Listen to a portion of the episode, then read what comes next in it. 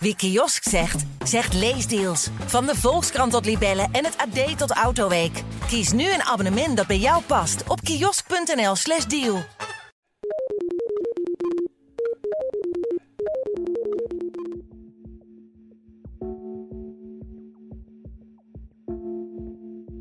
Wat een mysterieuze piepjes waren dit.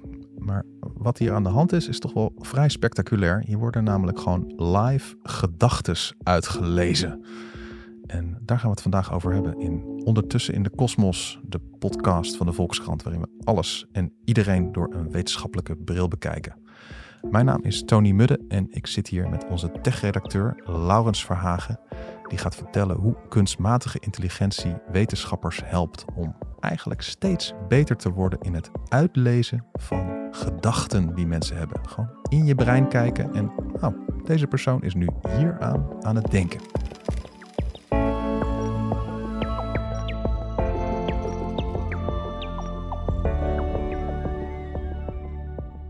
Ja, laten we maar even met de basis beginnen. Waarom zou je eigenlijk in iemands hoofd willen kijken? Dat is een goede vraag. Ja. Ja. dat heb ik ook gevraagd aan de mensen die ik sprak. En een van de antwoorden, een nuchter antwoord, was ook wetenschappelijke nieuwsgierigheid. Omdat het kan. Ja, Dat is eigenlijk het wetenschappelijke antwoord. zoals mensen altijd die hunkering hebben om om onmogelijke te dingen te doen. Van waarom zou je boven op een berg willen staan van 10 kilometer hoog? Ja, omdat, omdat het kan. Omdat het kan, ja. Ja, maar er is natuurlijk ook meer over te zeggen. Want je kan het ook gebruiken om mensen te helpen die op een of andere manier een probleem hebben. Al langer wordt er geëxperimenteerd met het vertalen van hersensignalen naar bewegingen. Dus mensen die niet meer hun ledemaat eh, kunnen aansturen. Mhm. Dat is ook in de basis het uitlezen van het brein. Ja, oké. Ja, dus dat, dat er iets mis is met je hersenen waardoor je iets niet meer kan. Ja. En dan, Bijvoorbeeld een motorische executie. En daarmee kan je mensen helpen. En dat kan je ook met spraak doen bijvoorbeeld. Mensen die op een manier niet kunnen spreken, Mhm. maar wel willen spreken. ja. Maar dit ging over afbeeldingen. En ja, want je, je, je ontdekte een experiment waarbij je dus in de hersenen kunt kijken en dan weet dat apparaat waar die mensen op dat moment naar Kijken. kijken. Ja, klopt. Hoe, hoe, hoe, werkt dat? Mensen krijgen afbeeldingen voorgeschoteld terwijl ze in een scanapparaat eh, liggen. Ja, Eh, door het hersenscanner. Ja, Ja. een eh, MRI-scan. Mhm. Dus ze krijgen een plaatje voorgeschoteld van bijvoorbeeld een, een vuurtoren, Mhm. een teddybeer, een trein. Dat zijn ook de voorbeelden die in die studie naar voren komen. Ja. En uit de hersensignalen leiden ze af daadwerkelijk wat ze zien. Dus dat kan je naast elkaar leggen. En dat is niet één op één hetzelfde, maar wel behoorlijk vergelijkbaar. En dat is wel spectaculair. Dus je ziet echt een teddybeer met een paarse strik. Beetje vaag, maar Ja. dat lukt heel aardig. Het is wel, wel fascinerend, toch? Ja. Ja. ja. toen ik dat zag, dat maakt het wel heel inzichtelijk. Dan denk je van wow, Je zit dus gewoon in hersenen te kijken. Zo van, nou, deze persoon is nu echt wel naar een teddybeer aan het kijken. Ja. En, en of het dan precies die teddybeer is. En, dan- en Ja, maar dat- ja, voor, voor 90% klopt het wel. Het, het is een beetje vaag, maar je, je ziet gewoon, het is een teddybeer, het is een stoomtrein, het is een vuurtoren. En dat, dat is natuurlijk wel een bizar idee, dat je dit kan aftappen, dat dat zo goed is inmiddels. En dat is dan met zo'n hersenscanner natuurlijk niet zo dat hij dan, nou ja, in het brein bij wijze van spreken de vorm van een teddybeer zit oplichten of zo. Nee, het zijn zo allemaal datapunten. Uiteindelijk is, is het gewoon heel veel datapuntjes Ja. en statistiek. En dat doen ze al langer, dit soort eh, experimenten. Alleen ze zijn er wel steeds beter in. Hier komt ook kunstmatige intelligentie bij kijken. Want waar AI, kunstmatige intelligentie, heel goed in is, is het analyseren van data. Om daar patronen in te ontdekken. Ja. En het gaat om heel veel data natuurlijk. Dat kan je voorstellen als het een MRI-scan is. Mhm. En met behulp van AI en in combinatie met steeds betere metingen ja. krijg je betere resultaten. En dat werkt dan met die kunstmatige intelligentie. Die moet je dan altijd trainen. Hè? Dus, dan, Ja. dus die hebben ze er waarschijnlijk heel lang getraind. Zo van, nou, zo lichten de hersenen op als iemand naar een vuurtoren kijkt. Zo lichten de hersenen op als iemand naar een, teddybeer kijkt. Ja, Ik- klopt. En al getraind op afbeeldingen ook. Dat, dat doen ze al langer. Ja. En in dit geval ook nog op de combinatie van afbeeldingen. eh, Dus de informatie in de visuele cortex en de omschrijvingen ervan. Er zijn ook mensen geweest die al, het gaat geloof ik om 20.000 plaatjes, die al hebben gezegd, dit is een stoomlocomotief met een bewolkte lucht. Ja, En die informatie wordt ook gebruikt. Dus de eh, visuele informatie in het brein en de textuele informatie. Als jij een plaatje ziet, dan heb je ook al concepten in je hoofd ervan. en er ook nog aan denkt. Ja, Ja. En, ja dit, dit klinkt allemaal heel science fiction. Maar zijn hier ook nog nuttige toepassingen bij te bedenken? Nou, bij die afbeeldingen is dat best een beetje lastig nog, denk ik zelf. En die antwoorden zijn ook niet zo heel eenduidig. Bij spraak kan je voorstellen, want daar worden ook dit soort onderzoeken gedaan. Dus Ja. het, het afleiden van spraak. Van jij wil teddybeer zeggen en het lukt niet. Mhm. Nou ja, dan Het zijn dan bijvoorbeeld mensen, moet ik dan denken, dat heet dan locked-in syndroom, toch? Mensen die gewoon echt ja, Ja. een aandoening hebben waarbij ze gewoon ja, Stephen zich- Hawking is zichzelf het op geen enkele voorbeeld. manier meer kunnen... Ja, ja. Ja. Ja. Ja. die wel met zijn brein was niks mis met het conceptuele kant ervan, maar wel hij kon het niet uitspreken. Ja, en dat had hij eerst nog een spraakcomputer. En dan had, Ja. en op, ja, op een gegeven moment was die conditie steeds erger. Want op een gegeven moment kan je alleen maar je ogen bewegen. Ja, het is echt iets verschrikkelijks. Ja. En, en dan op een gegeven moment kan je gewoon echt niet meer met, meer. met de buitenwereld communiceren. Terwijl er in je hoofd gewoon nog wel Ja, want, want, want soms gebeurt dat inderdaad. Dan kan je met je hoofd nog aanwijzen, zeg maar. Maar als dat ook dat niet meer kan, daar heb ik wel een idee van. Oké, dat is natuurlijk fantastisch als je op die manier iemand weer kan leren spreken. Ja. Maar bij afbeeldingen is dat wat onduidelijk. Dan kom je weer op het punt van, ja, leuk omdat het kan. Maar de andere kant op is ook wel interessant waarschijnlijk. Tenminste, daar hinten de onderzoekers op. Die zeggen van, nou, op deze manier kunnen we misschien ook de AI eh, beter naar de wereld leren kijken. Meer op een manier zoals wij mensen dat zien. Ja. En daar wordt het weer beter van. Zullen we eens naar zo'n fragmentje luisteren waarbij onderzoekers dan bij een, het was een Duitsstalige patiënt die dus dat locked-in syndroom had. En ze keken dan bij deze patiënt naar soort veranderingen in de bloedstroom in de hersenen. En daaruit konden ze dan afleiden of die geen ja of nee wilde zeggen. En dit is een fragmentje van journalisten van The Star. Der Name deiner Mutter ist Margit. Deine Antwort als Ja. We, we hoorden in dit korte fragmentje, dus er wordt dus een soort testvraag gesteld van is de naam van je moeder Maggie? En dan leest hij dus in het brein af zo van nou waarschijnlijk wil deze patiënt ja hierop antwoorden. Want ik zat eerst ook te denken van ja, hoe weet je dan ooit of dat echt is wat diegene wil zeggen? Maar natuurlijk als je allemaal testvragen doet met ja en nee en je doet er daar tien van, zo van ben je geboren in eh, 1978 en, en dat doet iemand allemaal goed. Ja, dan kan je natuurlijk wel Ja. vanuit gaan dat iemand, oké, ook, dat dat ook goed dat is. het werkt. Precies. Ja, dat, Ja, dat, dat ja, dat. en dat nee. En ja en nee. Ja, ja, je kan er al een aardig gesprek mee voeren. Maar het is ook wat beperkt. Dat is heel beperkt. Ja, ja. eh, Kan er ook al wat meer? Jawel, de eerste experimenten waren op basis van letters, dat je letter voor letter doet. En nou ja, die software die leerde bij welke hersengolf een bepaalde letter hoorde. Recent onderzoek gaat nog verder en dan gaat het ook per woord. En dat experiment is gedaan bij epilepsiepatiënten. Eh, Ja. en dat is meer een hele praktische reden, want die hebben toch al implantaten. Ja. Dat zijn best wel heftige operaties, dat ga je niet bij gezonde mensen doen. Mhm. Dus dan op die manier kunnen de onderzoekers naar dit soort experimenten meeliften op het feit dat ze die toch al hebben. Ah, dus het idee van, dan heb je voor om een echt een keiharde medische reden, dan heb je al een Heb je al zo'n eh, heb impla- je moet toch- implantaat in je hersenen, Ja. wat dan goed hersengolven kan meten. En, de vraag is dan van, nou, nu, Wilt u meedoen? Nu, dat ding toch heeft. Wilt u meedoen aan, aan dit leuke Oh ja. taalonderzoek? Zo gaat dat. Oh ja, Ja, en dat willen mensen gelukkig. Ja. En nou ja, het uitgangspunt is grofweg hetzelfde als bij de afbeeldingen, maar nu dan met, met spraak. Proefpersonen moeten dan hardop woorden voorlezen. En vervolgens konden ze dat ook weer aftappen. Het gaat nog om een beperkt aantal woorden, maar nou ja, op die manier wordt er wel behoorlijke progressie geboekt. Ja, dus dan ben je echt een, in eigenlijk een paar jaar tijd ben gegaan van naar alleen maar ja en nee kunnen uitlezen. Ja, via letters, naar naar letters woorden. en woorden en, Ja. en plaatjes waar mensen aan denken. Precies, ja. En, ja, dat, dat gaat wel steeds een, eh, een, stap, een stap verder. Ja, het, het gaat ook eh, hard. En nou ja, dat zeggen alle onderzoekers ook. En dat heeft dus te maken met AI die steeds beter wordt. Ook met het voorspellen. Mhm. Want dat is natuurlijk hoe we ChatGPT-achtige programma's ook inmiddels kennen. Dat is ook statistiek van, nou, dit woord hoort waarschijnlijk dat woord. Dat Ja. kan je ook een beetje gebruiken daarvoor. Ik, het lijkt ook altijd een beetje volgens mij op weet je, dat je op je telefoon dan Ja. al een paar letters intikt en dat die denkt van nou, dikke kans dat je, Dat dit, dit dat komt. je dit woord wil gebruiken en anders die wel, toch? Het is een beetje dat soort technieken. Ja, klopt, ja. Ja. En dan in combinatie met steeds betere metingen. Ja, dat zijn miljoenen kostende scanners Ja, die steeds betere metingen doen. Nou ja, die combinatie die zorgt hiervoor. Maar goed, dat voorspellende, dat, dat heeft ook wel iets engs of engs.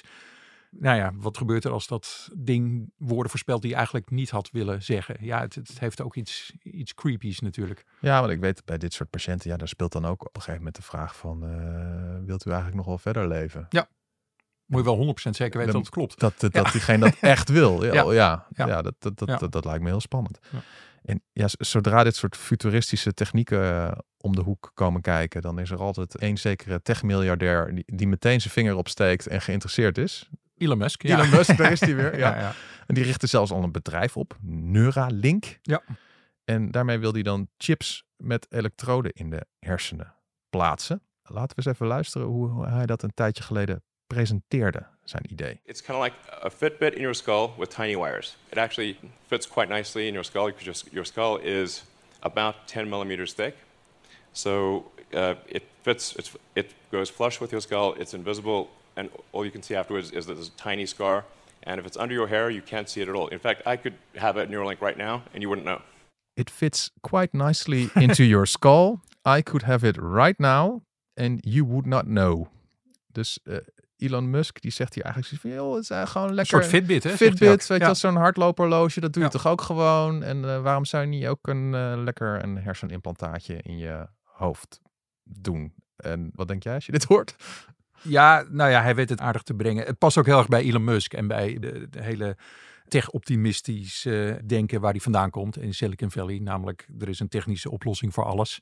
Daar gelooft hij heilig in. Ja, Maar nou ja, er zitten wel heel veel haken en ogen aan hoor. Als je, als je, als je mensen spreekt, een tijdje geleden, een paar jaar geleden, sprak ik ook een hoogleraar cognitieve neurowetenschappen, Nick Ramsey van UMC. En die zei ja, dat klinkt allemaal heel aardig, maar zo'n implantaat in het hoofd, daar moet je ook niet te licht over denken. Bijvoorbeeld het eh, hersenvocht vreet alles op. Dus het is heel erg de vraag hoe dat, hoe Ja. dat zich houdt. Ik zou het niet 1, 2, 3 nu al naar hem toe stappen. Nog los van het feit dat ik niet, dat ik het een doodeng idee zou vinden om mijn hersendata bij eh, Elon Musk achter te te laten. parkeren. Ja, want wat Ja. is het verdienmodel van dit soort eh, bedrijven? En niet alleen Elon Musk, hè, ook Mark Zuckerberg van Facebook is er heel erg mee bezig. Ja. Die wil hetzelfde. Ja, En hebben die dan ergens een ge- geheime of misschien wel helemaal niet geheime agenda van, nou ja, maar dan weten we precies in de hersenen zelf waar mensen echt behoefte aan hebben. En dan kunnen we ze nog gerichtere advertenties eh voorschoten. ja zo. uiteraard. Dat denk Ja. ik er wel bij. Ja, geen persoonlijke data dan je hersendata. Ja. En eh, het is te opmerkelijk om even niet te laten horen, maar Elon Musk heeft dit ding nog niet bij mensen in hun hersenen laten zetten, maar wel bij proefdieren, varkens. En bij de presentatie had hij gewoon voor die journalisten, had hij dan een paar varkens meegenomen met dat hersenimplantaat in hun hoofd. En toen liet hij ze dit horen. The, the beeps you're hearing are real-time signals from the Neuralink in Gertrude's head. So this Neuralink connects to neurons that are uh, in her snout. So whenever she snuffles around and touches something with her snout, the, that sends out uh, neural spikes, which are detected. Oké, we hebben hier het uitlezen van hersensignalen van varkens. En dat leidt dan tot piepjes. Wat gebeurt hier? Nou ja, het is ook heel ongemakkelijk, vind ik ook wel, om naar te la- Ook dat, dat rare lachje van hem. En, Ja. maar ja, hiermee laat hij zien dat het, het brain reading, Mhm. dat dat kan. Dus hij vertaalt die signalen in piepjes. Dus eh, hoge energie geeft een bepaald soort piepje. Ja. En nou ja, de doelstellingen van Musk, hij noemt ook wel hoor, het, het, het, het helpen van mensen met beperkingen. Ja. En nou ja, dat, dat, dat is best nobel. Ja. Maar hij denkt ook de andere kant op. Dus niet alleen brain reading, maar ook brain writing. Dus de informatie richting hersenen pompen. En dat zit er bij hem ook wel achter. En, en nou ja, dat, dus neurotechnologie eigenlijk om onze hersenen te verbeteren. Om ons, eh, nou ja, mens 2.0 te maken. Eh, dat, dat is ook wel zijn grote droom erbij. En dan hebben we het echt over ja, echt van die science fiction ideeën. Zo van, oh, wat zou toch handig zijn als je een compleet eh, Chinees woordenboek eh, ja, precies, in dat je hoofd kan uploaden. Ja, ja, en daar zijn we nog heel ver vandaan hoor. Ja, want wat, ze- wat ze bij deze varkens deden, die gingen ze dan, nou, die hadden dan die hersenchip Ja. in hun brein. Ja. En die gingen ze dan op een lopende band zetten, de varkens. En dan hun bewegingen van hun poten registreren. En dan zeiden ze, oh, blijkbaar als zo'n varken zijn rechterpoot vooruit wil zetten, dan krijgen we dit hersensignaal. Krijg je dit signaal, precies, ja. En dat kunnen we dan misschien gebruiken voor mensen. Zo van, nou ja, als die motorische problemen hebben, Ja, dan precies. kunnen we in ja. hun hersen toch aflezen van, nou, ze willen dit doen qua Ja. beweging. Ja, het lukt niet. En, en wij kunnen dat Wij dan kunnen dat dan Ja. met een motortje toch ze erbij, daarbij ja, helpen. En dan, nou ja, dat, Dat zijn ook klinkt nog wel nobel. Nee, dat zijn de, dat, zijn de nobele, nuttige toepassingen. Ja. Ja. Daar zal iedereen het ook wel mee eens zijn, ja. Ja. Maar bij hem zit er veel meer aan vast. Er zit ook wel een hele technologische droom aan vast. En ja, wat, wat voor toepassingen denk jij nog meer aan dat je denkt van, ja, dat, moet je dat dan wel willen? In, de- in de denkrichting van Elon Musk? Ja, eh, privacy. Ja, het, kl- het klinkt een beetje raar misschien om het over privacy te hebben over je hoofd. Want we dachten altijd dat, wat in ons hoofd zit veilig daar was. Ja, Nou ja, hiermee is, is dat niet zo. Dus ik, ik denk dat je wel heel goed moet nadenken van, A, willen we dit? En als je het wil, onder welke omstandigheden? En wie heeft er toegang tot dit soort informatie? Als hij het zo brengt van, ja, een soort Fitbit in je hoofd en dat is voor iedereen toegankelijk. En misschien met de belofte van, eh, je kan nu Chinees spreken. Dat moeten we niet willen, denk ik. ja en je krijgt dan ook ineens van die gekke scenario's dat als, als een ander kan uitlezen waar jij aan denkt. Ja, het, ja, het was inderdaad gewoon denken, dat is toch altijd gewoon compleet vrij, weet je kan Ja. ook de meest vreselijke dingen kan je gewoon denken. Als je ruzie hebt met iemand van, ik ga iets verschrikkelijks aandoen. Maar op het moment het idee dat dat dan uitgelezen zou kunnen worden? Of... Ja, je, je kan voorstellen bij een, een nieuw soort leugendetector. Ja, zware criminelen en onder welke omstandigheden. Misschien zullen we denken, ja, bij deze seriemoordenaar vinden we dat wel oké. Ja. Ja, Ja, bij, maar de, ja, bij de leugendetector was dan ook altijd het argument zoiets van... ja, maar als je weet dat iemand ergens een bom heeft geplaatst... en die, en die, en die is aan het tikken... En dan, Precies. Dan, dan moet je toch Ja, wel even dat scenario, iets, dan iets wel extra's moeten kunnen doen... om iemand onder druk te zetten... Om, om even uit te lezen wat er echt aan de hand is. Ja, maar ik sprak ook een filosoof van de Radboud. Die, heeft er dan, die denkt hier ook over na. En die zei, ja, het is allemaal ver weg. Maar tegelijkertijd moet je er nu wel over nadenken. Voordat Mhm. het te laat is. En hij gebruikt dan de term cognitieve vrijheid. Ja, is, is dat misschien niet wel ook een soort basisvrijheid... die je moet vastleggen ergens in de wet? Ja. De, de vrijheid om te denken. En hij citeerde ook 1984 van George Orwell. Waarin staat, niets is van jezelf... behalve de paar kubieke centimeters in je schedel. Maar ja, nu niet meer, of binnenkort niet meer, is hij bang voor. Weet je, dus de, de gedachtepolitie waar het boek over gaat, ja, die kan overal bij, eh, behalve daar, in je schedel. Ja. Hij is bang van, ja, met, met deze ontwikkelingen, dan hebben we helemaal geen vrijheid meer. En ja, daar moet je over nadenken. Nou ja, vaak wordt dan ook de vergelijking getrokken met wat er met internet is gebeurd. En we zijn overvallen door de Googles en Facebooks die er met onze data vandoor gingen. Mhm. En, en nou ja, hij zei, ja, zo'n moment staan we weer aan de vooravond. En dat moeten we voor zijn. Ja, en, en deze techniek gaat wel zo hard dat je kan zeggen van oké, dat kan echt leiden tot mooie nuttige toepassingen, Absoluut, medische jazeker. toepassingen. Ja. Maar aan de andere kant, denk deze keer nu alvast na over wat mogelijk dubieuze toepassingen zijn. Exact, En ja. bedenk daar iets voor. Ja.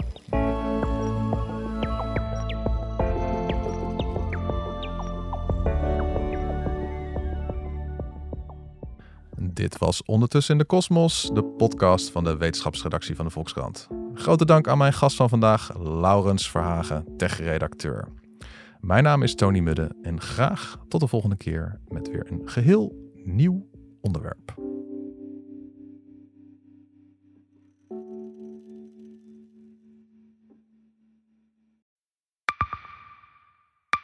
Zijn leven is overhoop gegooid. Plus dat heel veel mensen hem niet geloven. Vrienden niet, die, die denken, ja, hij is gewoon gek geworden. Hoe naar moet dat zijn? Als je vertelt over de meest indringende ervaring uit jouw leven en niemand gelooft dat je het echt hebt meegemaakt. Ja, ik vind zelf niet dat ik het verzonnen heb, maar sommige mensen denken dat wel. Maar hoe kom je erachter of jij het doelwit bent van een geheime dienst? Ik heb ook wel eens meegemaakt dat je het idee hebt dat inlichtingdiensten in je geïnteresseerd zijn. En dan kun je wel heel veel zien, wat er misschien helemaal niet is. Als ik s'avonds nog iets ging eten, dan volgden die mensen mij naar het restaurant. En dan terug van het restaurant naar het hotel. Als zij op een gegeven moment zei, kijk maar uit, want anders word je dadelijk nog ontvoerd ook. Shit, ik moet hier weg. Dat is, is niet goed. Nu word ik gevolgd. Een soort Truman Show is het gewoon. Hè? Alsof dat hele straatbeeld voor jou is ingericht. Maar dan wel met bedoeling jou niet door te laten. Dit kan geen toeval zijn. Een nieuwe podcast van de Volkskrant. Mijn naam is Simone Eleveld en samen met Huid Modderkolk ontrafel ik een bizarre operatie van de geheime dienst. Wat het doel ook is, jij verliest het. Ik werd opgepakt, heel lang ondervraagd. Maar hoe krijg je grip in een wereld die zo onderzichtig is? Als je zou liegen, dan zou je niet de meest relevante informatie twee jaar later tussen neus en lippen doorvertellen. Er zal nooit iemand zeggen, oké Bart, ik geloof je. Nooit, nooit. Dit kan geen toeval zijn. Vanaf 3 oktober bij de Volkskrant. Ik weet niet of ik ook alles kan vertellen. Het is echt te bizar. Wat? Ehm, ja. Wie kiosk zegt, zegt leesdeals. Van de Volkskrant tot Libellen en het AD tot Autoweek. Kies nu een abonnement dat bij jou past op kiosk.nl/slash deal.